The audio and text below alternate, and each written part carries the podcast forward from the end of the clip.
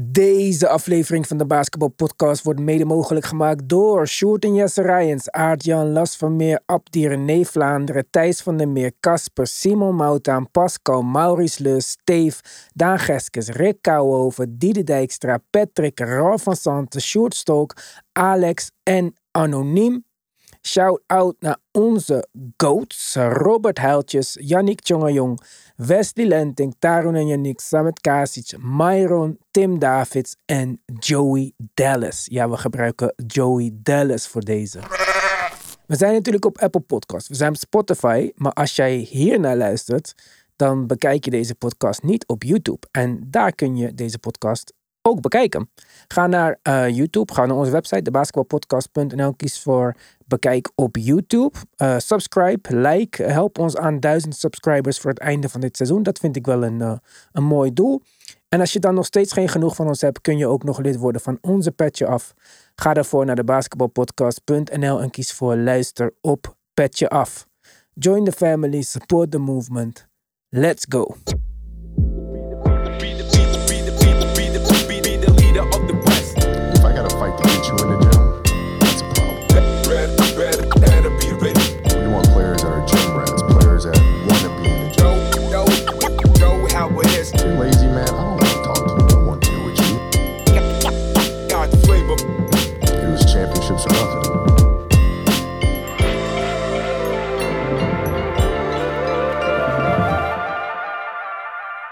Daar zijn we weer. Nieuwe week. eh, voor mij nog dezelfde idee. Onze vorige aflevering heet eh, Houston, we don't have a problem. We do not have a problem.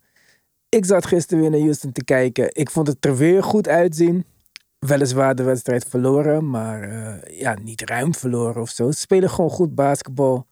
Dylan de Villain heeft, ja, is er een van mijn favoriete basketballers aan het worden als hij zo doorgaat. Vanaf de eerste seconde zat hij al onder LeBron's huid. LeBron gaf hem al na tippen af gelijk een duw. Op het einde kreeg hij ook nog een technische fout daarvoor. En ehm, ja, als je dat kan doen bij iemand met zoveel ervaring en die zo gewend is aan hè, iedereen die hem probeert op te fokken. Dat, dat vind ik eh, een meerwaarde eh, als basketballer. Hoe gek het ook klinkt, want ik ben absoluut, eh, ik was geen fan van Dylan. Maar ja, ja, hij doet het goed. ja, hij, hij, heeft, hij vervult een rol die zij nodig hadden. En dat dacht ik niet voor het seizoen. Ik dacht, nee, dit vind ik niet de beste persoon om een groep met jonge spelers te beïnvloeden. Ja. Maar ik denk dat hij die rol eh, wel vervult. Ja, en dat het goed wordt opgepakt door eh, de rest van de jongens daar. Want ze hadden een aantal jonge jongens waarvan ook ik me afvroeg aan het begin van het seizoen van nou, gaan die dit meteen oppakken? Zijn jongens als Fred Van Vliet en Dylan Brooks de juiste nou, ervarene, meer ervaren mannen op de juiste plek? Ja. Maar het lijkt allemaal best goed te kloppen. Ja, Van Vliet speelt ook best wel goed, eh, moet ik zeggen. Had ik ook niet zoveel van verwacht. Hij speelt wat anders dan bij Toronto. Ehm, ja, ik, ik, ik vind dat ze het heel leuk hebben gedaan daar. Ik bedacht me wel, ze hebben dus Kevin Porter Jr. weggestuurd, toch? Omdat hij eh, Ja. ja, zijn vriendin heeft geslagen. Ik weet niet of dat, eh, volgens mij was het toen, eh, in ieder geval, eh, werd hij niet veroordeeld of zou die zaak niet naar de civiele rechtbank gaan? Dus ik weet niet, er was iets mee. Ja, klopt. En dan afgelopen vrijdag zag ik Miles Bridges terug op het veld. Die ehm, ja, een beetje hetzelfde heeft gedaan als Kevin Porter Jr. We hoeven het niet te vergelijken wat erger was of niet. Maar ik denk dat je het heel goed in dezelfde categorie kan plaatsen. Miles Bridges deed dat ook nog eens in het bijzijn van zijn kinderen. En eigenlijk tot twee maanden toe. Want hij gooide ook nog de autoruit in van zijn vriendin. In het bijzijn van zijn kinderen. En die mocht wel weer gewoon aan de slag. Waar Houston gelijk zei, nee, we hebben genoeg van jou. Ja, er gaan wel. eh, er wordt wel op een, op een andere manier mee omgegaan. Dat is één ding dat zeker is. Ja. Ik weet niet of dat rechtszacktechnisch ook het geval is. Ik denk inderdaad dat. Ja, je zei al dezelfde categorie. Ik denk dat dat natuurlijk wel klopt. Maar ik weet niet of ze ook op dezelfde manier vervolgd worden, zomaar. Ehm, ehm, en daarmee. Ik geloof dat Miles Bridges al een soort van uitspraak had gedaan. Plead no contest. Dat was een soort van. In de vorm van een soort schikking. Die hij daarmee eh, mee trof. Daarmee is het niet allemaal van de baan. Want mij heb ik eerder gezegd, ik geloof dat zijn volgende court date is ergens in februari. Dus dit hoofdstuk is nog niet klaar voor hem. Maar volgens mij is hij wel al een soort van, uh, al is het maar op een bepaald aantal charges, uh, is er een soort van veroordeling uitgesproken. En dat heeft misschien, ik weet het niet, de weg vrijgemaakt om de schorsing uit te zitten, dat allereerst. Want dat heeft hij natuurlijk gedaan, in feite. En nu uh, ja, mag hij dan blijkbaar gewoon weer spelen. Ik weet ik, ik vind het wel. Dat is voor mij ook een raadsel. Apart dat als je maar genoeg bepaalt, dat uh, regels te omzeilen zijn in principe. Dus als je kan schikken, dan kan je vrolijk verder gaan met je leven. Ja. Ik weet niet of jij een beetje popnieuws uh, volgt, maar Cassie, een ex van uh, P. Diddy, had hem aangekraagd voor verkrachting, van alles en nog wat. misbruik door de jaren heen. Diddy heeft binnen 24 uur geschikt. En kan gewoon vrolijk verder met zijn leven. Niemand heeft het er meer over. Ja. ja. ja, Kijk, het is dat ik die dingen niet doe, maar ik denk niet dat iemand zit te wachten op mijn 20 euro. Dus ik zou daar nooit aan die dingen kunnen ontkomen. Nee, nee, nee. Bij dat soort mannen is eigenlijk altijd hetzelfde onderwerp belangrijk en dat is geld. Dus met geld kom je volgens mij ook in het Amerikaanse justitiële systeem kom je heel eind. Ja. En Miles Bridges vloog weer vrolijk door de lucht. Die ontving alweer de nodige loops van Lamello. Hornet zagen er inderdaad al gelijk een stuk beter uit. Vorige week hadden wij het over uh, Lamello. Ik vergeet soms wat wij op Petje Af bespreken en in de normale afleveringen. Omdat we dit jaar meer op Petje Af doen eigenlijk dan in de normale afleveringen. Maar in een van de normale afleveringen hebben we het in ieder geval gehad over Lamello. En toen reageerde Short en die zei van Short, onze grote Charlotte-fan. En die zei van ja, misschien heb je wel een punt met Lamello. Dat het niet per se een winning speler is. Nou, daar kwam hij toch op terug. En hij zei van, uh, hij stuurde mij een lijstje met getalletjes en uh, stats van Lamello over de laatste zeven wedstrijden, waren indrukwekkende stats. Ja. En uh, hij zei, nou, misschien toch te vroeg geoordeeld. Maar toen heb ik hem het record teruggestuurd en dat was 1 en 6. Nee. En stats zijn voor mij allemaal leuk, maar stats met een, mm, ja, overheersend losing record, ja, dat, dat doet me echt niks. Ja, het zou, nou ja, het, het, zou minder waarde moeten hebben. Dat ben, ik, uh, dat ben ik wel met je eens. In het geval van Lamello is denk ik belangrijker dan ooit. De, de, de context zijn situatie en het feit dat... Uh, nu met Miles Bridges zal er inderdaad misschien een kleine verandering in plaatsvinden. Maar als je verder kijkt naar wat Charlotte doet en deed... Ja, dan kan hij nog zo goed zijn. En sterker nog, dat is dan niet eens meer een luxe. Dat is gewoon een must aan het worden. Hij is dan de ster van het team. Maar eigenlijk ook ja, de enige die ook maar in de buurt van zijn, talent, zijn eigen talent level komt. En ook niet per se eh, spelers eh, om zich heen heeft die hem op een hele bepaalde, bepaalde manier uh, complementeren. Dat is ook niet per se zo. Wie Lamello? Ja. Ja, maar niemand complementeert hem, want hij speelt niet team nou, basketbal. Hij, kan, hij doet zijn eigen Nou, ik denk, ik denk dat hij dat voor een groot deel um, ook doet omdat het moet. Want maar, wat zijn je opties daar op dat nou, team? Brandon Miller ging aardig los. Je hebt PJ Washington, je hebt Gordon Hayward, je hebt een, ja. uh, een lob threat center. Ja. Kijk, ik zeg niet dat de, de Hornets uh, de Celtics zijn en dat uh, er één speler rondloopt waardoor het niet klikt of zo. Maar de manier waarop hij speelt gaat ook nooit het beste uit dit team halen. Nee, hij is een, hij is een point guard die uh, natuurlijk niet voor niet zo talentvol is en zelf scoort. En in principe zelf scoort. Ja, hij is niet degene die met acht punten en 18 assists uh, vooral bezig is met, uh, met basis uitdelen. Dat ben ik met je eens. Maar ja, ja maar als hij, je zo goed bent als dat hij is. Ja. ja, maar kijk, en daar vind ik dus dat er een verschil is. Je zegt als, hij zo, als je zo goed bent als hij is. Toch? Ja. Vandaag was ik aan het denken over de Knicks. Want de Knicks doen het best wel aardig. Eh, we hebben het er al uitgebreid over gehad. Ik denk niet dat per se dat er een superstar move uh, te maken is, waardoor zij nog een, een tier higher komen, zeg maar. Maar ik denk dat ze het goed doen voor. En ik denk dat ze ook zo moeten blijven, eventjes. Ik denk dat Jalen Brunson de nummer 1 is, waar Randall dat was. En ik denk dat in een situatie dat RJ Barrett de nummer 2 zou kunnen worden en Randall zich meer in een um, nummer 3 wat bredere rol zou kunnen schikken. Waar hij zich focust op rebounden, de bal sneller bewegen, pasen en niet op zoek gaat naar zijn schot.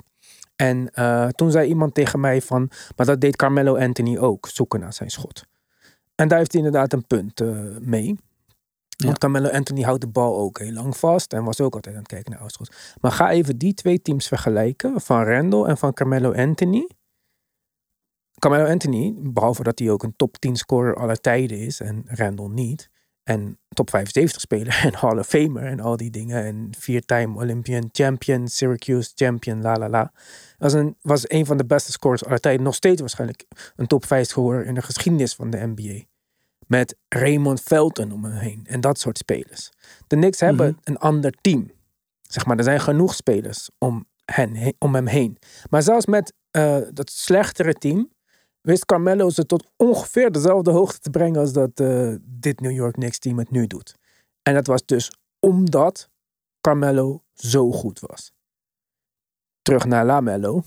Ik weet eigenlijk niet of die verme- vernoemd is naar Carmelo. want Er zijn niet echt veel mellows of zo. eh. Dat is, dat is waar, ja. goeie Maar goed, terug naar Lamello. Heeft redelijke spelers om zich heen. Redelijk. Ik zeg niet goed, maar het is niet ehm, super trash. Je kan niet zeggen dat Gordon Hayward als hij speelt, eh, Terry Rozier als hij speelt, deze nieuwe Brandon Miller, PJ Washington, die zijn, het is niet zo slecht. En daar komen we dus op, hoe goed ben je? Jij zei zo talentvol. Ik zou zeggen, nee, hij is niet talentvol genoeg om het in zijn eentje te doen, ondanks, of, ja, los van het team, los van het systeem.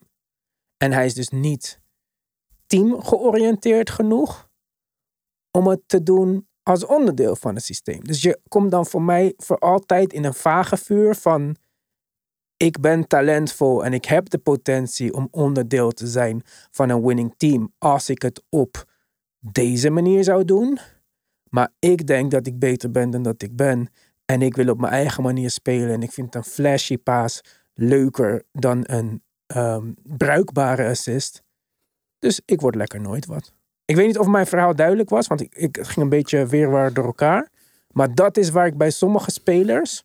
Er zijn maar een aantal spelers. Echt, die selectie, hoe meer ik erover nadenk van spelers die goed genoeg zijn om in hun eentje, los van hun team, los van een beetje wie er geblesseerd raakt, gewoon dat team 500 te maken. Zo, dat, zijn er echt weinig, man. Nee, precies. En dan sla je wat mij betreft al de spijker op zijn kop inderdaad. Eh, hij kan nog zo talentvol en goed zijn. Ik denk dat je bijna van een andere orde moet zijn om een team dat om je heen gewoon, gewoon ja, talent ontbreekt om, om, om goed te zijn. Om die van, vanuit de, de delen van de ranglijst waar Charlotte normaal gesproken bivakkeert, op te tillen naar, al is het maar 500. Je noemde Mello als voorbeeld. Ja, dat is inderdaad een van de beste aanvallende spelers aller tijden in de NBA. Dus dat hij dat kan. Ja, ik denk dat hij een van de weinigen is die dat kon en zal kunnen. Oké, Ik zou Lam- Lamello niet per se in die categorie scharen. ik ook niet. Daarom voorbeeld 2. wie vind je de beste speler van de Orlando Magic? Oh, dat is een goede vraag. Maar je hoeft niet, het, hoeft, het is geen antwoord wat we nu in steen gaan schrijven en dan eh voor Nee. gaan vasthouden. Nou, laten we dan maar een Banquero zeggen. Bankero. Oké, wie vind je de beste speler van de Pacers? Tyrese Halliburton. Oké. Eh, ik zeg niet dat de Pacers niet getalenteerd zijn of geen talent om zich heen hebben, maar de meest talentvolle spelers zijn niet op hun piek. Zo, bij zowel de Pacers als de Magic. Ja. Dus ben jij het met me eens dat we Halliburton, Bankero en Lamello weghalen? Dat die teams ongeveer in dezelfde tier zitten? Ik zeg niet dat ze precies hetzelfde zijn. Hè? De- het mag zo zijn dat de Hornets het derde team zouden zijn, los van de sterspelers. Maar In, in dezelfde tier van elkaar? Of als in Ja, dezelfde tier van als wat- elkaar. Oh, van elkaar. zonder Halliburton, zonder Bankero Eh. en zonder Lamello. Ja, ik weet niet of dat, dat is- waarschijnlijk niet zo heel gek, nee. Nee, dat zou wel eens kunnen. Mooi, dan kan ik mijn punt gaan maken. ja, dat dacht ik al, ja. dus, eh, wat je ook doet. Bij de Magic hebben ze er dit jaar voor gekozen. Ik, ik weet niet hoe ze eraan komen. Dat wij gaan verdedigen. op een manier wat zeer effectief werkt. De Magic, zelfs met blessures, staan op dit moment op een playoff plek. Bij Indiana aan de andere kant hebben ze ervoor gekozen om all-out te gaan in de offense. Ik vind het. Ik, ik raak moe van dit spel. Ze zijn niet alleen nummer 1 in transition, ze zijn ook nog een topteam in de halfcourt. Ze, ze spelen Ja. heel snel. Ze hebben pace, ehm, pace of play, iets wat we de laatste jaren hebben gezien, wat heel belangrijk is. eh, daar, daar zetten zij volledig op in. Maar Halliburton en Bankero spelen allebei als onderdeel van het systeem. En hoe belangrijk ze ook zijn voor het systeem, daar zeg ik niets over. Maar ze spelen wel een rol in het systeem. En dat is wat Lamello niet doet. Want Lamello speelt alsof hij Carmelo is, zonder dat hij in de buurt van het level van een Carmelo is. Ja, ehm, dat ben ik wel met je eens, denk ik. De eerste vraag die dat bij mij meteen oproept is: ja, wat zou het systeem in Charlotte überhaupt moeten zijn? Ja, maar had jij verwacht van tevoren dit jaar dat de Pacers zo next level snel gingen spelen? En had jij verwacht dat de Magic zo next level goed gingen verdedigen? Nee, zeker niet. Dus wat het ook mag zijn, bedenk iets en probeer het. Maar ik weet niet, en ik wil niet, kijk, wij zijn geen psychologen en uh, we kennen deze mensen allemaal niet. Maar aan Lamello te zien, lijkt het mij niet dat, je, dat hij echt een super coachbare speler is. Want anders, er is geen coach in deze NBA die zou zeggen van, ja, ik, ik vind een pull-up 3 een meter achter de driepuntlijn een goed schot. Nee, klopt. Dat, dat, dat ben ik wel met je eens. Dat is mijn indruk ook wel een klein beetje van hem. Hij, krijgt, hij neemt of hij krijgt voldoende vrijheid om het een klein beetje op zijn eigen manier te doen. Ik wil niet zeggen dat het een goede of een heel effectieve uh, manier is um, voor met name met het oog op het team gericht. Dat, dat is te zien als je Charlotte kijkt. Dat, dat klopt wel. Ik weet niet hoe Clifford daarin in zich gedraagt richting hem. Ik heb soms het idee dat er helemaal geen plan is. Ja, maar daar, eh, ik denk dat. Maar ik denk ook dat het moeilijk is om een speler als Lamello te coachen. En het, voor mij betekent dit overigens niet dat ik vind dat het een verloren carrière is of zo. Er zijn genoeg spelers die op latere leeftijd een beetje de balans in hun spel vinden. Ja. Als we zelfs kijken, iemand als Jason Tatum, die al jaren wordt genoemd als. Uh, ja, Young King noemde Mark hem ooit. Maar ja, maar die heeft nu pas, naar mijn mening, een goede balans in zijn schotkeuze gevonden. Ja. En deze man heeft al uh, drie diepe playoff runs achter de rug. Ja, en als point guard is dat nog, ligt daar nog meer de nadruk op. En, nog meer de aandacht op ook. Dus dat dat voor Lamello niet iets is wat right from the jump in orde is bij hem. Ja, oké, dat kan ik ergens nog wel begrijpen. Dat, uh, alleen, ik vind wel dat hij daar één, de juiste organisatie en twee, de juiste coach om zich heen voor moet hebben. Dit moet niet te lang op deze manier door blijven ploeteren worden. Want dan heb je kans dat zo'n jongen getekend is voor zijn carrière. Omdat hij ja, nooit anders geleerd. Ja, dat kan ook. Ja. Maar goed, uh, genoeg uh, negativiteit. Positiviteit. Positiviteit. Mensen hebben hem nu uitgezet. Onze, onze hoe heet dat ook alweer? Retention rating uh, keldert. Ga even subscriben alsjeblieft als jullie dat nog niet hebben gedaan jongens. Want die duizend lijkt me zo'n leuk getal. Ik weet of er geen zo'n... ik krijg er niet zo'n mooi zilveren plek voor. Maar alsnog, hè, zou een fijne, ja. fijne accomplishment zijn. Ik zat gisteren, of gisteren vanmorgen de wedstrijden van gisteren te kijken. Want we hadden gisteren weer een hoop wedstrijden. Ja. En um, de laatste wedstrijd op de avond was de Lakers-Houston. En toen ik dat zag, dacht ik, ah, oh, die bewaar ik voor het laatst. Dit was mijn kerst op de taart. Als jij dit van de zomer tegen mij had gezegd, dat Lakers-Houston voor mij de kerst op de taart op welke dag dan ook zou gaan worden, dat ik met mijn League Pass de basketbalwedstrijd was bereiken, had ik gezegd, nee, dat gaat niet gebeuren. Ja. En dus dat alleen vind ik al leuk. En ik vind het zo leuk dat er zoveel interessante teams zijn dit jaar. Er is zelden een avond, er is misschien tot nu toe één of twee dagen hebben ertussen gezeten waarvan ik dacht van, ja, als ik geen podcast zou hebben, zou ik het niet kijken. is, is altijd wat boeiend. Ja. Die wedstrijd gisteren ook. Um, LeBron Dylan uh, gedoe vond ik heel uh, interessant. Ik dacht eventjes tussendoor van, hey, is Houston misschien al zo ver en met alle mensen die twijfels hebben aan Jalen Green, dat zij zouden moeten treden voor Zach Levine. Nou, ik heb de trade machine bijgepakt. Zelfs als je dat een goed idee vindt, wat ik niet zeg dat je dat zou moeten vinden, dan wordt het heel lastig. Zonder dat je Fred Van Vliet of Dylan Brooks treedt, omdat ze simpelweg die contracten niet hebben om uh, 40 ja. miljoen bij elkaar te krijgen. Dus dat gaat hem niet worden. Maar het was uh, zomaar een idee in wat me opkwam. Een uh, idee in. Ja. Wat in me opkwam. Ja, dat. um, toen zat ik te kijken naar LeBron. En ik denk al een tijdje na over waarom ik LeBron niet zo uh, spectaculair vind, zeg maar, als het andere mensen hem vinden. Want ik wil ook even naar mijzelf reflecteren dat ik niet per se een hater ben. En uh, het is indruk, ik vind het ook indrukwekkend hoe lang die al goed is. En uh, dat hij fysiek nog in staat is om dit soort dingen te doen. Hè, zijn gemiddeldes wijken niet veel af van die van Karim Abdul-Jabbar op dezelfde leeftijd. Dus ik vind dat ook weer een tikkeltje overdreven om te zeggen, dit is nog nooit voorgekomen. Ja, dat is het wel. Maar uh, ik dacht bij mezelf van ja, want LeBron, waar is hij nou elite in? Kijk, hij is overal goed in. Maar hij is nergens elite in. Hij is geen elite shooter. Hij is geen elite defender. Hij is een goede passer voor iemand van zijn lengte. Maar hij is geen elite passer. Als we hem echt opzetten tegen Jokic of tegen Jason Kidd of wat dan ook. Ja, dan is hij geen elite passer. Hij is... Uh, ja, hij is elite fysica, uh, fysica. zijn, zijn fysiek is elite. Maar weet je waar hij elite in is? Heb, ben, ben, heb ik uh, geconstateerd voor mijzelf. Momenten ja. kiezen. Le LeBron ja. is de beste momentenkiezer aller tijden.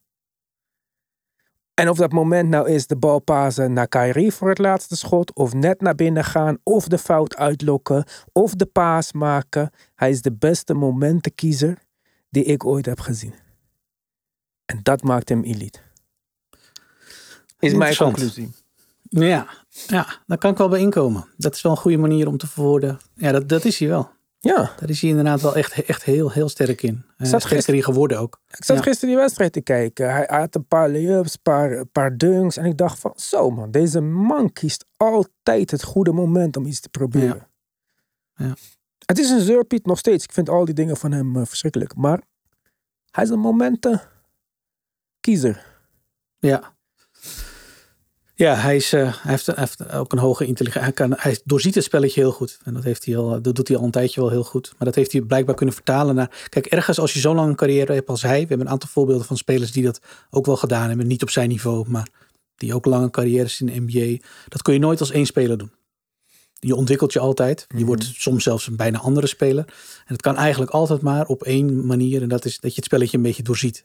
Je een bepaalde mate van intelligentie hebt die je, die je kan vertalen naar het spelletje. En de reden dat hij het nu nog steeds zo goed is, is inderdaad waarschijnlijk ook dat hij uh, het spelletje niet alleen goed doorziet, maar dat het hem ook in staat stelt om uh, juiste momenten te kiezen. Want ja, je kan, het is gewoon een gegeven dat je op die leeftijd niet meer kan spelen zoals je speelde toen je, weet ik veel, 6, 27 was. Of, of, of, of iets, in die, uh, iets in die geest. Dus dat hij dat zo heeft weten te vertalen en dat hij dus daarom nog steeds doet wat hij doet op deze leeftijd is ja, het is misschien ooit wel gebeurd, maar dat maakt het niet minder knap. Zou ik bijna willen zeggen. Ja, en hij was ook, uh, Anthony Davis was op een gegeven moment oud. En uh, toen kwam er een moment, ik weet niet of het nou het laatste schot was. Maar um, hij, hij paaste uit het laatste schot, zeg maar. Hij stond daar te dansen op driepuntlijn. Hij is geen elite three-point. Volgens mij was het Austin Reeves naar wie hij de bal uh, paaste. En die schoot de drie punten raak. En toen dacht ik, er zijn ook veel spelers die weten dat ze geen goede three-point shooter zijn. Maar Randall zou die bal niet pasen. Ja, of met nog een halve seconde op de klok. Maar uh, ja. snap je? En dan denk ik, nou, kijk, dit heeft dus... hij met Cam Reddish gehad, toch? Eerder de, eerder de paar wedstrijden dit seizoen. Waarin het ook uh, tot de laatste seconde spannend was. Tot twee keer toen naar Cam gepaast. De eerste wedstrijd verloren is omdat Cam hem niet raak schoot. De hmm. tweede keer deed hij eigenlijk hetzelfde. Bijna identieke actie. In weer een spannende wedstrijd. Cam schoot de drie punten raken en ze wonnen. Ja. Ik vond het wel leuk. Ik vond het, dacht ik wel van, hé, hey, dit, dit kan ik wel waarderen in hem. Ja, ja het is knap. Zeker. En ja. voor de mensen die denken van, wat, Ivan wordt toch niet opeens de LeBron-fan. Nou, van de week had hij ook wat op Instagram gezet. Kijk, ik moet een klein beetje afwisselen, liefde en haat.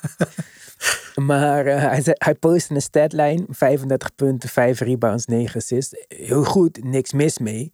Maar uh, dit is niet meer zo'n uitzonderlijke statline, zeg maar. Julius Randle doet dit één keer in de week, letterlijk. Mm -hmm. En dan zet hij eronder. But I just came here to make movies, though.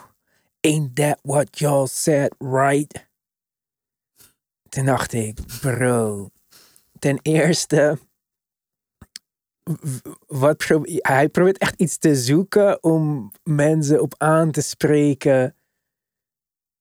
Dit, dit kan je niet zetten naar zo'n statline. Nee, ik weet niet of je dat op die leeftijd met zijn uh, cv nog nodig hebt, joh. Laat gaan, joh. Het kan toch niet waar zijn dat je nu nog met alles wat hij gedaan en bereikt heeft, uh, je nog af wil zetten tegen mensen die zeggen eh, dat je naar Hollywood kwam om films te maken. Ja, maar doe dat als je een triple-double average voor een maand of zo. Zelfs dat vind ik niet zo indrukwekkend. Maar 35, 5 en 9. Ja. Ja. Ja. Ik, ik ben het met je eens. Ik denk inderdaad dat hij uh, op zijn manier nog wel betere momenten gaat krijgen. Misschien zelfs dit seizoen al wel. Um, waarop hij zijn gram kan halen als dat blijkbaar zo nodig is. Maar ik zou bijna willen zeggen, joh, als je zo, zo goed bent als dat hij uh, is en bereikt heeft wat hij heeft bereikt, dan zou dat wat mij betreft, hoef je dat niet te doen als je een keer deze statline post. in een willekeurige regular season game aan het begin van het seizoen. Volgens mij krijgen wij echt zeven last dance seizoenen van LeBron of zo. Hij is dit nu al aan het produceren. Ja, nou ja, goed, het is een grootste carrière geweest. En bij de rest van de um, grote carrières hebben we het ook gezien en gehad. Dus ja, goed. Wat dat betreft past het, eh, wat mij betreft, prima in lijn met, uh, met dat. Maar ja, inderdaad, het zal uh, zo niet buitenproportioneel zijn wat we nog gaan zien als hij uh, uiteindelijk afzwaait. Ja, ja wat de grappenmaker. Um, en ze winnen van Houston en ze staan nog steeds onder Houston. Dus zoveel is er ook niet, uh, is ook niet op vooruit gegaan. Maar um, we zijn nu uh, 13 wedstrijden onderweg is nog steeds niet zo'n grote sample size, waar we het al eerder over hebben gehad. Ik vind het maar lastig om echt uh, conclusies te trekken. Ik weet ook niet of het per se nodig is, maar ja, als je wat moet zeggen in een podcast, dan is dat natuurlijk wel handig als je wat te zeggen hebt. Dus ik heb de ranglijsten er maar eens een keertje bij gepakt. Die had ik eigenlijk nog helemaal niet echt bekeken. Omdat ja, wat, wat zegt een ranglijst in deze fase van het seizoen? Maar toen, nu nog niet veel. Ja. ja, maar beginnende bij de Eastern Conference had ik een, uh, ja, iets wat me opviel. En ik zeg niet dat ik Nostradamus ben of dat dit, ik denk dat dit voor altijd zo blijft of dat dit, hè, maar het zou wel eens zo kunnen zijn dat de teams zoals ze nu verdeeld zijn in de categorieën, dan bedoel ik playoffs, play-in en lottery, niet in deze volgorde, maar wel in die categorie, alle teams hetzelfde kunnen blijven tot het einde van het seizoen. Ja, ik vind de, de, grenslijn um, wel geen postseason, om het zo maar even te noemen. Dus wel geen play-in. Ja. Uh, die, ja, die durf ik wel enigszins met je mee te gaan. Toronto zal een coin flip zijn, maar ik ben nog niet echt onder de indruk van ze. Uh, maar ik snap je punt en ik denk dat ik in grote lijnen zou dat wel eens uh, erop uit kunnen draaien. Ja, ja ik ja. denk dat de, de, de grootste kans op niet uitkomen door Orlando Magic zijn ondanks een goede defense, ja, staan, staat het toch raar dat zij bij de eerste zes staan, zeg maar. Maar als ze zulke goede defense kunnen volhouden, zelfs uh, met geblesseerde spelers, dan blijft er een basis om een bepaald, uh, ja, in ieder geval 500 te gaan, zeg maar. Dat is goed, soms genoeg om te onderhouden waar je bent in de ranglijst. Ik denk dat de Celtics, de Sixers, de Bucks en de Heat en de Knicks ja, best wel vrij zeker zijn van een top 6 uh, eh, plek. Ja. Ik denk dat de Knicks die uh, vierde positie gaan innemen en ook houden. En ik denk dan dat er niet zoveel gaat veranderen aan de top 4. Als we kijken naar de tweede categorie, waar we de Pacers, Cavaliers, Hawks en Nets vinden, dan is de grootste verrassing daar, mocht het zo blijven, misschien de Cavaliers, omdat we hogere verwachtingen hadden van hen uh, aan het begin van ja. het seizoen. Denk ik ook. Maar ik ja. denk ook dat we in de praktijk zien Um, dat met een één of twee blessures bij hen het al gauw niet meer loopt. Donovan Mitchell out, Jared Allen out en het is eigenlijk alweer een vrij kansloos team. Hun beeld is heel uh, kwetsbaar voor uh, ja. interruptions. Uh, hoe noem je dat in het Nederlands? Onderbreking. Ja, de, de, gewoon de, om de, ja, ja, iets dat er verandert en het, het, het loopt gelijk niet door. Als, als zo'n slinger van kerstlampje, zeg maar. Eentje stuk en dan valt het ook gewoon uit. Ja, ja, denk ik ook wel. Ze hebben een aantal. Ja, het is een beetje een raar team ook. En ze presteren daar ook wel een beetje naar. Nu toevallig een winning streak van drie, winnen van de Nuggets. Ja, dan, dan ziet het er allemaal heel leuk uit. je kan ze net zo goed op een willekeurige avond door de week aanzetten en denken: jee, maar wat is dit voor een waardeloos team? Dus ik heb echt nog. Ja, Cavaliers zijn wat mij betreft echt nog heel erg up en down. Ja, Atlanta Hawks voor mij, voor mij ook een tegenvaller. Ja, maar, voor mij ook. Um, ja, ik, ik, denk dat daar uh, misschien nog een paar trades nodig zijn. Ik, om echt ja, dit systeem te kunnen spelen wat uh, Quinn Snyder van plan is. Ik, we hebben het al vaak genoeg besproken. Ik denk gewoon dat het moeilijk is om met twee guards uh, te spelen. En ik denk dat dat idee wat zij hadden om de Jante te halen om te compenseren voor Trace gebrek aan defense. Ja, theoretisch klonk het leuk, maar ja, dat had leuker geweest als je een Piek Clay Thompson had gehaald om te compenseren voor Trace defense. En niet een andere speler die liever de bal in zijn handen heeft dan catch and shoot, catch and shoot schoten neemt. Dus uh, ja dat, dat moeten we kijken. Ik zeg niet dat ze verloren zijn. Ik vind dat er een hoop talentvolle spelers rondlopen daar bij Atlanta. En nogmaals, alle vertrouwen in de coaches. Dus um, even aankijken. Brooklyn, lastig man. Uh, met Ben Simmons zijn ze beter in transition, zijn ze beter defensively. Zonder Ben Simmons zijn ze beter in de halfcourt. Zonder Claxton, maar met Ben Simmons zijn ze beter in de halfcourt. En beter in transitions, maar slechter defensively. Ah, eh, hun beste spelers kunnen niet samenspelen. En dat is een, uh, een groot probleem. Ja, het ademt 500. Ja, als ze een mazzel hebben. En uh, dan de teams daaronder, Toronto Raptors. Ja, ik, ik vind het geen verloren seizoen voor Toronto. Want ik vind deze um, vooruitgang van Scotty Barnes misschien belangrijker dan het net aanhalen van de play-ins en in de eerste ronde naar huis gaan. En dit is je toekomst. Dus ala. Ik denk dat je het kan wijden voornamelijk aan het front office. Zij hebben eh, van allerlei spelers laten gaan in de afgelopen jaren zonder er iemand voor terug te krijgen. Ja, op een gegeven moment houdt het op.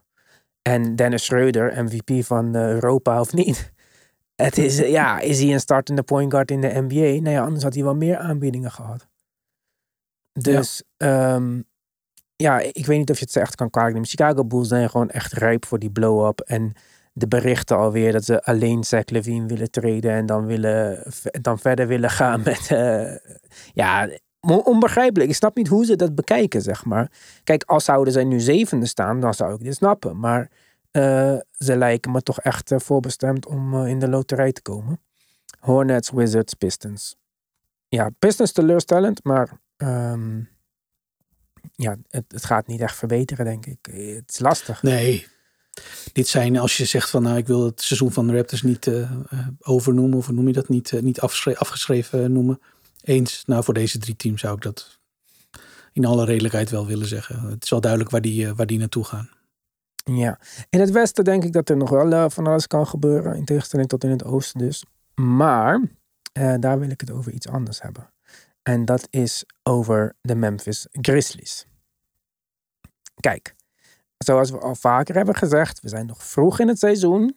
Vroeg conclusies trekken werkt meestal niet in de NBA omdat het seizoen zo lang is. Er kan van alles gebeuren. Er kunnen uh, blessures komen bij hun concurrenten, wat dan ook.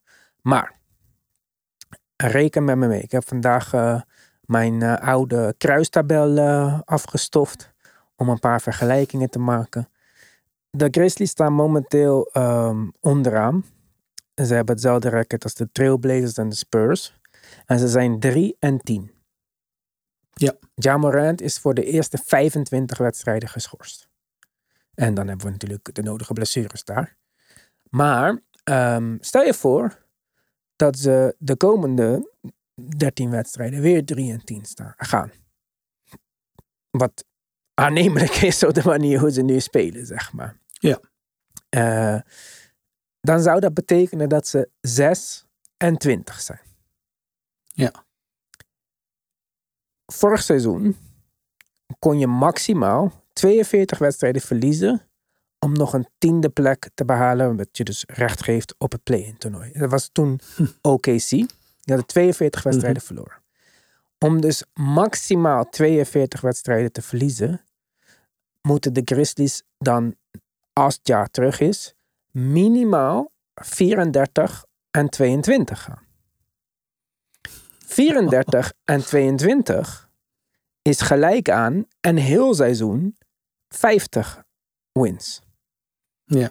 Vorig jaar waren ze op volle sterkte 51 en 31. Ja. Dit gaat niet gebeuren. Memphis Grizzlies Nee. gaan niet de playoffs halen dit jaar. Nee, daar, eh, daar heeft het alle schijn van. Eh, ja, en ik denk dat je dit op, op, op een, een hele sterke manier uitlegt. Eh, los van als je de wedstrijden, wedstrijden ziet, dan zie je ook wel dat het op een gegeven moment niet meer het verschil is tussen wel of geen Jamarant hebben. Dat denk ik al niet. gaat- Maar ik bedoel, maar zelfs in het beste Ja. geval dat zij net Ja. zo goed zijn als vorig jaar. Vor, ja, vorig jaar. Vanaf het moment dat Ja terugkomt, zelfs met alle blessures, zonder centers. Of nou ja, Biombo. Maar dan zouden ze dus precies net zo goed moeten zijn als vorig jaar. Instantly. Om nog, en dan hebben we het over kans maken. We hebben het niet Ja. over garantie, maar om kans te maken op de tiende plek. Ja, dat is wel een, eh, een, een vroege, maar eh, ja, harde conclusie. Als we dus een team dat vo- vorig jaar zo goed was in het reguliere seizoen dan, hè, even record-wise, ja, nu al min of meer kunnen afschrijven. Wat heel vroeg klinkt, maar goed, je hebt het net eh, volgerekend. Ja, dan hebben we er denk ik eh, al één te pakken. eh, als we kijken naar het verschil tussen vorig jaar en dit jaar. wat een groot verschil gaat zijn. Ja, Ja, nou, ik had het niet gedacht. Maar goed, ik had het niet gedacht. De, de, de waslijst met afwezigen is zo groot daar. De problemen stapelen zich zo op. Ehm, ik weet niet. Ik heb soms ook een beetje het gevoel dat die organisatie, die coach, Taylor Jenkins ook, het allemaal een beetje over zich heen laat komen. Ik zie, als ik die wedstrijden kijk, ook niet van, ja, gaan we iets anders verzinnen? Gaan we gebruik maken van de gelegenheid om? Eh, gaan, we, gaan we iets anders doen met de personeel wat we nog wel hebben? Want eh, de afwezigen die forceren ons bijna om anders te spelen dan we deden. Want ja, wat hebben we nog over? ja. Ik weet het niet. Ze spelen, ze rommelen gewoon door. En ja, het gaat helemaal nergens heen. helemaal nergens. Ja. Denk je, Dit seizoen echt niet. Nee. denk je dat er een kans is dat bij de trade deadline Marcus Smart beschikbaar wordt? Ik denk niet dat zij in eerste instantie zullen denken van hé, hey, laten we hem ook maar gelijk traden. Maar Nee. als hij een trade aanvraagt, Nou, dat zie ik hem niet snel doen. Omdat, ehm, ja, weet je, dan gooi je, dan hijs je wel echt, eh, echt heel makkelijk eh, in, de, in de ogen van de omstanders, denk ik, hijs je wel heel makkelijk de witte vlag. nou, Maar stel je voor dat je betrokken wordt bij trade talks of dat er een, een, een aanbod binnenkomt van een team dat per se op zoek is naar een speler als smart. Want ja, zoals we vaker gezegd hebben, de, de bepaalde pedigree en skillset die voor, eh, voor een bepaald aantal teams heel interessant is en niet veel te krijgen is. Ja, dan is hij een kandidaat op een team dat niet presteert en nergens heen gaat. Waarvan als je de rest van de. Ja, Caruso is misschien hè, een vergelijkbaar, vergelijkbaar verhaal. Dus die zal denk ik eh, wel eerder in talks voorkomen. Maar als die helemaal geland is ergens. En je hebt straks in februari nog een team dat. Ik weet niet of de Memphis. Of Memphis dan meteen de telefoon erop gooit. Ik denk het niet.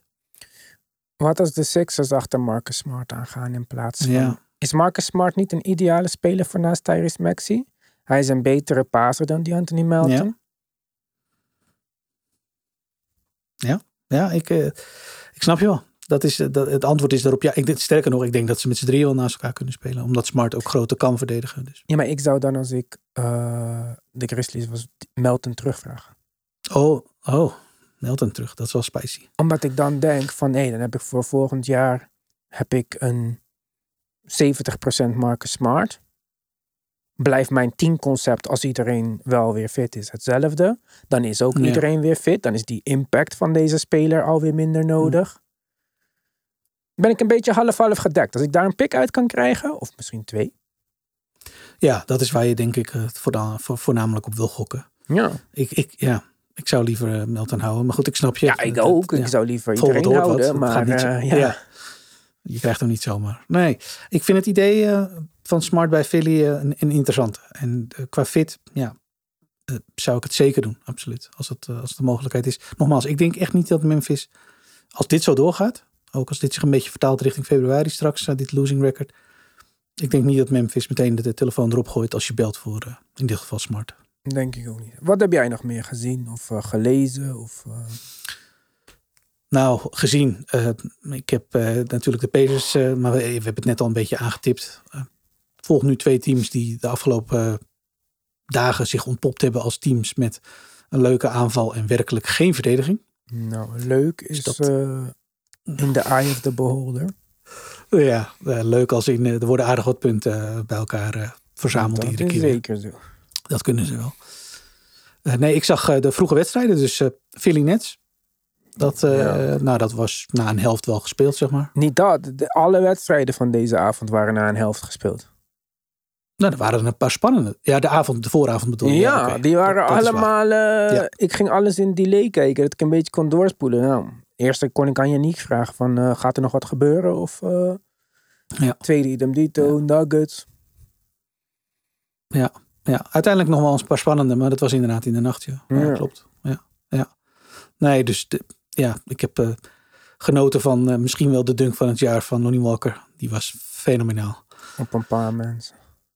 Op een paar mensen, ja, die Ja. is echt... eh, hij doet het sowieso echt goed daar. Echt leuk. Ja, ik denk dat nu dat Kelly Oubre Ja. aangereden is, slash van de halfpipe gevallen, wat hij ook heeft gedaan. Oud is. Ja, Lonnie Walker, de, de bargain signing van het offseason is natuurlijk. ja en een van de frontrunners Six Man of the Year. Als hij dit soort punten blijft... eh, Dat Blijft zou posten. helemaal eh, heftig zijn. Hij had altijd talent, hè, zoals bij de Spurs al. En eh, ik denk dat hij het relatief goed gedaan heeft bij de Lakers. En ik denk dat het een goede move Ja, was voor hem. En ehm, ja. Alleen ja, ik vond het leuk om te zien. ja, de Nets halen hun beste spelers uit eh, de meest onverwachte hoeken. Als ik tegen jou had gezegd van eh Cam Thomas is kandidaat voor eh, Most Improved en eh, Lonnie Walker voor Six Man of the Year. Nou, dan denk ik als je daar 100 euro op had gezet, dat je wel een return van eh 100.000 euro had of zo. Ja, ja daarom. Nee, absoluut. Dat vind ik twee, twee leuke verrassingen. En in schril contrast met de wedstrijd die ik daarna aanzette. Ondanks dat het eh, de Philly Nets niet per se spannend werd, zijn er dan toch her en der nogal wat puntjes waarvan ik soms persoonlijk heb, vind ik wel leuk. En eh, ja, bij de andere wedstrijden was dat eh, minder. Ik had dus heel veel verwachtingen van Magic Pacers gewoon omdat hè, number one offense tegen de number one defense en twee teams in opkomst. Leuk. Ik had er echt zin in. Nou, Mm.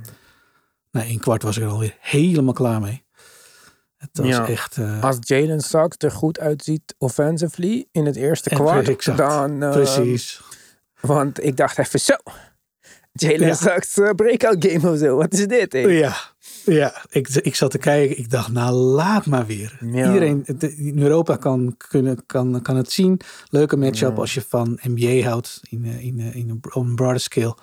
Dan kijk je de, de- dit soort wedstrijden. Ik denk, nou leuk voor de Ja. mensen om de Pacers te zien. Dit is de matchup. Nee hoor, meteen alweer klaar na het eerste kwart. Ja. Zo, zo jammer. Ja, Ehm, Maar goed, ik vind de Magic er niet minder op interessant op geworden. Dat die zich blijkbaar ontwikkelen als, eh, nou, laten we op zijn minst maar noemen, goede defensive unit. ja, maar dat was de ultieme bedoeling altijd van deze lange switchbare eh, groep met mensen, zeg maar. Dat is waar. En eh Bitatse, die toch van jouw Pacers komt, Ja, die ja. ontpopt zich ook als een soort van eh, verdedigende Brook Lopez of zo. Eh, Ik eh, weet niet waar hij het vandaan haalde. Ik weet ook niet hoe. ik wist niet eens dat Ja, dat zijn profiel was. Ik dacht dat het... eh, Nee, is het ook helemaal ja. niet. Is het ook helemaal niet. Als, je- als je deze wedstrijd als Magic of eh, als, als, als neutrale fan kijkt en je denkt, nou, ik ga eens even een mening vormen over. Nou, de Pacers was dan nog tot daar aan toe, maar de Magic bijvoorbeeld. Nou, dan heb je niet de meest repre- re- representatieve. Nee, maar zo speelt hij het hele seizoen, hè? Hij speelt, hij speelt, hij doet het heel aardig. Dat is, dat is absoluut waar. Ik, Ja. kan, eh, ik, kan, ik had bid dat ze dit nooit toe, eh, toebedeeld toen hij uiteindelijk ging. Maar eh, hij heeft het zeer goed opgepakt. Ja, ze doen het al. Ik denk, de meeste jongens daar doen het, vind ik, naar omstandigheden echt heel leuk. Aanvallend zijn ze, hadden ze nu een hele goede game, maar zijn ze niet per se een fantastisch team. Maar het is zeker wel een, eh, een interessant team. En een team dat verdedigend goed beweegt. Dat, dat absoluut. En dat Jamal Mosley dat eh, met zijn verdedigende mindset die hij toch had toen hij daar kwam Ja. eh, ja, een soort van aan het bewerkstelligen is. Laten we het voorzichtig maar zo noemen, want het is nog zo lang. Ja, ik, ik had dit eh, van tevoren niet eh, op mijn bingo kaart staan. Nee, ik ook niet. En eh, ik dacht dat Mo Wagner zou gaan starten. Omdat hij vorig jaar ook Ja. in afwezigheid van Wendell Carter best wel goed heeft gedaan, naar mijn mening. En Mhm. daarom vond ik deze keuze al typisch. En, maar ja, nu dat ze zo goed defensively zijn en dat biedt dat ze zich heeft ontpopt tot een, een echte center-center. Ja. Snap ik ook waarom Jalen Sachs het voordeel van de twijfel kreeg en mocht blijven starten. En dan snap ik ook waarom de rotatie is zoals die is, zeg maar. Ja, klopt. dat is waar. Ja, defense wordt ehm, hoger eh, gewaardeerd dan offense op dit moment bij de Magic. En eh, ja, dat eh, werpt nu de vrucht af. Dus eh, Absoluut. waarom niet Ja. doorgaan ermee? Ik ben heel benieuwd waar het toe kan leiden voor, eh, voor zo'n eh, voor zo'n jonge ploeg. Maar ik vind, het, eh, ik vind het een leuke, aangename verrassing. Dat wel. Ja, ik ook. Kijk, we zitten nu in week 4 of zo van dit NBA-seizoen. Aan de ene kant is het voor ons vervelend dat we nog niet al te veel conclusies kunnen trekken. Aan de andere kant is het superleuk om te kijken. Wat ik zei, op een random avond zijn er nog allerlei wedstrijden die interessant zijn. Ja. En ja, een aantal teams voor mij hebben de status al bereikt van... Ja, dat hoef ik niet te kijken, omdat het niet relevant is voor wat er dit seizoen verder gaat gebeuren. Eh, denk Mhm. daarbij dan op dit moment aan de Grizzlies of eh, aan de Pistons, die ik ook eh, ja, toch relatief kansloos inschat. En wat ik er gekker vind eigenlijk dan de andere teams. En voor mij, ja, de Wizards. Waar Jordan Poole trouwens, ehm, zijn er toch al over uit dat hij niet een eh, cornerstone wordt van de franchise. Dus, eh, Mag geen verrassing zijn. Ja, maar ik zeg je eerlijk, eh, er was niet vorig seizoen, maar het seizoen daarvoor bij de Warriors was hij gewoon 20 punten per wedstrijd en onderdeel van een kampioenschapsteam. Hè? Klopt. Ja, ja goed. Eh, we weten wat systemen kunnen doen met spelers.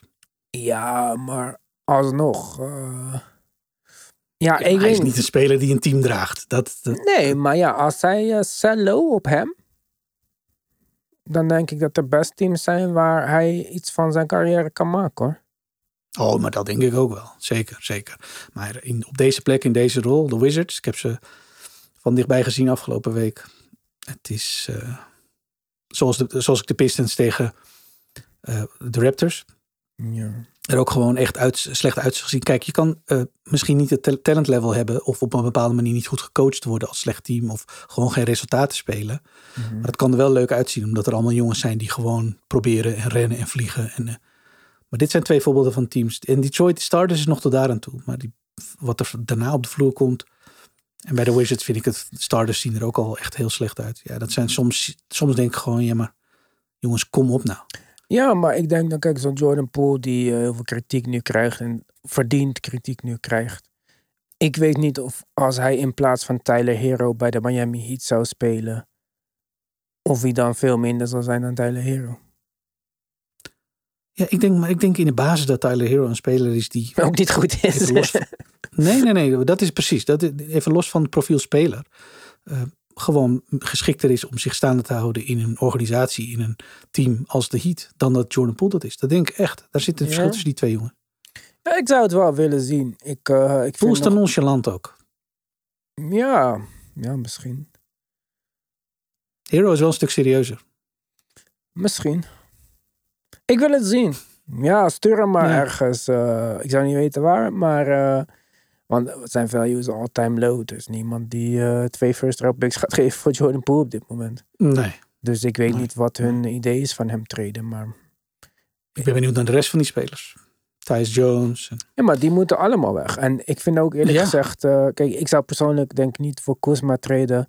eh, omdat kiezen voor 2 miljoen extra per jaar... maar dan blijven in deze ellende... voor mij niet een karaktereigenschap is die ik zoek in een winnaar. Ik zoek mensen die op zichzelf gokken en dat soort dingen. Ja. Dus dat zou mijn overweging zijn om niet voor Kuzma te treden. Maar anders vind ik Kuzma een hele interessante piece. En denk dat hij bij heel veel teams uitstekend eh, uit de voeten zou kunnen. Want het is gewoon een hele goede rebounder. En in deze NBA, eh, waar veel centers niet meer de mm, echt supergoede rebounder zijn. Is dat echt een luxe om een power forward te hebben die en op een goede dag de vloer kan spelen en kan helpen met rebounden en in een eh, wilde avond eh, los kan gaan met 30 punten. ja, heb je wel Dus gelijk. eh, Ja. misschien in een ander systeem, betere coaching, meer verantwoordelijkheid. wat er wat dan wordt verwacht van de spelers, zou Koesma ook beter uit de verf komen. Alleen wat ik zei, als jij hiervoor kiest persoonlijk, dan zou dat al mijn. Ja, zou, zou ik de twijfels hebben bij zijn motieven, zeg maar. Dit is het eerste wat je wordt gevraagd, toch? Als je ergens gaat eh, solliciteren. Waarom wil je hier werken? Ja, zijn Ja. antwoord op die vraag is ja, omdat ik hier het meest verdien. En daar is geen baas of CEO op deze wereld die dan gaat zeggen van... Ja, dat eh, vind ik interessant. Eens. Dat denk ik ook. Dat zou eigenlijk mijn enige twijfel zijn. Want aan zijn skillset en wat hij... eh, wat hij nou, je hebt het net al goed beschreven. Ja, size, alles. Hij is- kan echt eh, naast Ja, een... hij kan- eh, Hij is interessant hoor. Ja. dus dat, ik weet niet of dat gaat gebeuren. Want ook zijn, ik denk dat de vraagprijs voor hem misschien nog wel de hoogste is van iedereen op de roster. Dus, maar ja, Tyus Jones verbaas ik me al lang dat deze nog daar rondwarrelt. Ja, is geen situatie waar hij in zijn fase van zijn carrière maar eh, in zou moeten zijn. Hij is ook niet die speler. Ik denk niet eens dat hij echt per definitie een starting point guard in de NBA-level speler is. Ik denk dat dit zou kunnen in sommige situaties, zeg maar. En ik denk dat sommige ploegen er in hun huidige omstandigheden op vooruit zouden gaan. Als hij bij de Bulls de point guard was, denk ik dat de Bulls beter zouden zijn. Maar ik weet niet als hij, of als hij de point guard was bij de Bulls, dat de Bulls opeens een top 6 team in het oosten zijn. Nee, maar dat is natuurlijk weer... Ja, maar er is ook een roster waar Alan Vooch, eh DeRozan, Levine en eh, weet ik veel wie er allemaal rondlopen. Patrick Williams, Caruso's en zo. Ja, dan moet één speler het verschil maken. En als die speler niet goed genoeg is om jou te boosten tot een playoff team, ja, dan wat is jouw waarde als starter? Want de andere starters zijn van onbesproken eh, ja, gedrag. Maar die, ja, die, die worden niet, eh, die gaan niet uit de Nee, die zijn, worden niet in twijfel Ja, getrokken. dus- nee, nee, dat Dus klopt. kijk, dus is hij een startende point guard in de NBA? Jazeker. Eh ik, ik zou hem willen zien starten bij de Bulls. Ik, ik zou hem willen zien starten bij de Spurs. Ik zou hem willen zien starten bij de Nets. Een hoop teams eh, waar ik denk dat hij een betere startende point guard eh, zou Ja. zijn. En waar zijn stijl van point guard, toch meer traditionele type point guard, eh, wat mij betreft beter past dan een eh, wie de fuck die rol ook vervult bij eh, de Bulls, Sohan of Dinwiddie. Dat, dat is absoluut waar. En daarbij denk ik nog steeds, en dat is eerder een compliment dan dat ik dat als een soort demotion bedoel of zo. Maar hij is gewoon op, op zijn best in de rol die hij had bij de Grizzlies als, als beste backup point guard in de NBA. Wat hij was en wat hij wat mij betreft nog steeds is. Dat wil niet zeggen dat je ook maar dat meteen kan doorvertalen naar een startende job ergens. En dan ook meteen een grote lift voor het team. Nee, Ja. hij- deze, deze jongens van de bank. En ik snap dat hij dat met zijn ambitie waarschijnlijk niet voor zijn carrière wil doen. Maar ik denk oprecht nog steeds dat hij daarin eh, heel, heel waardevol is. Ja, denk ik ook. En wat je zei, het is niet altijd ook alleen maar kwaliteiten die jou niet een starter maken. Misschien heeft hij dezelfde of meer kwaliteiten dan Derek White. Maar Derek White heeft een skillset die eh, nodig is bij de Celtics in de starting line-up. Ja. En daarom Ja. start hij. En daarom startte hij eerst niet. Het is niet zo Ja, ingewikkeld. Zo is het soms ook gewoon. Ja. Goed, eh, wij zijn er deze week donderdag met Victor. Ergens daarvoor met ons twee. Tim Talk is uitgekomen. Die staat online op Petje Af. Ga naar de basketbalpodcast.nl en kies voor luister op Petje Af voor al onze extra content. Vergeet niet te liken en subscriben op YouTube natuurlijk als je deze video kijkt. Of als je hiernaar luistert en nog niet weet hoe wij eruit zien. Je kan het niet missen.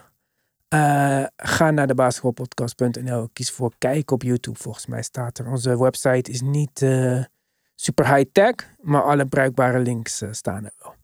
Tot de volgende keer.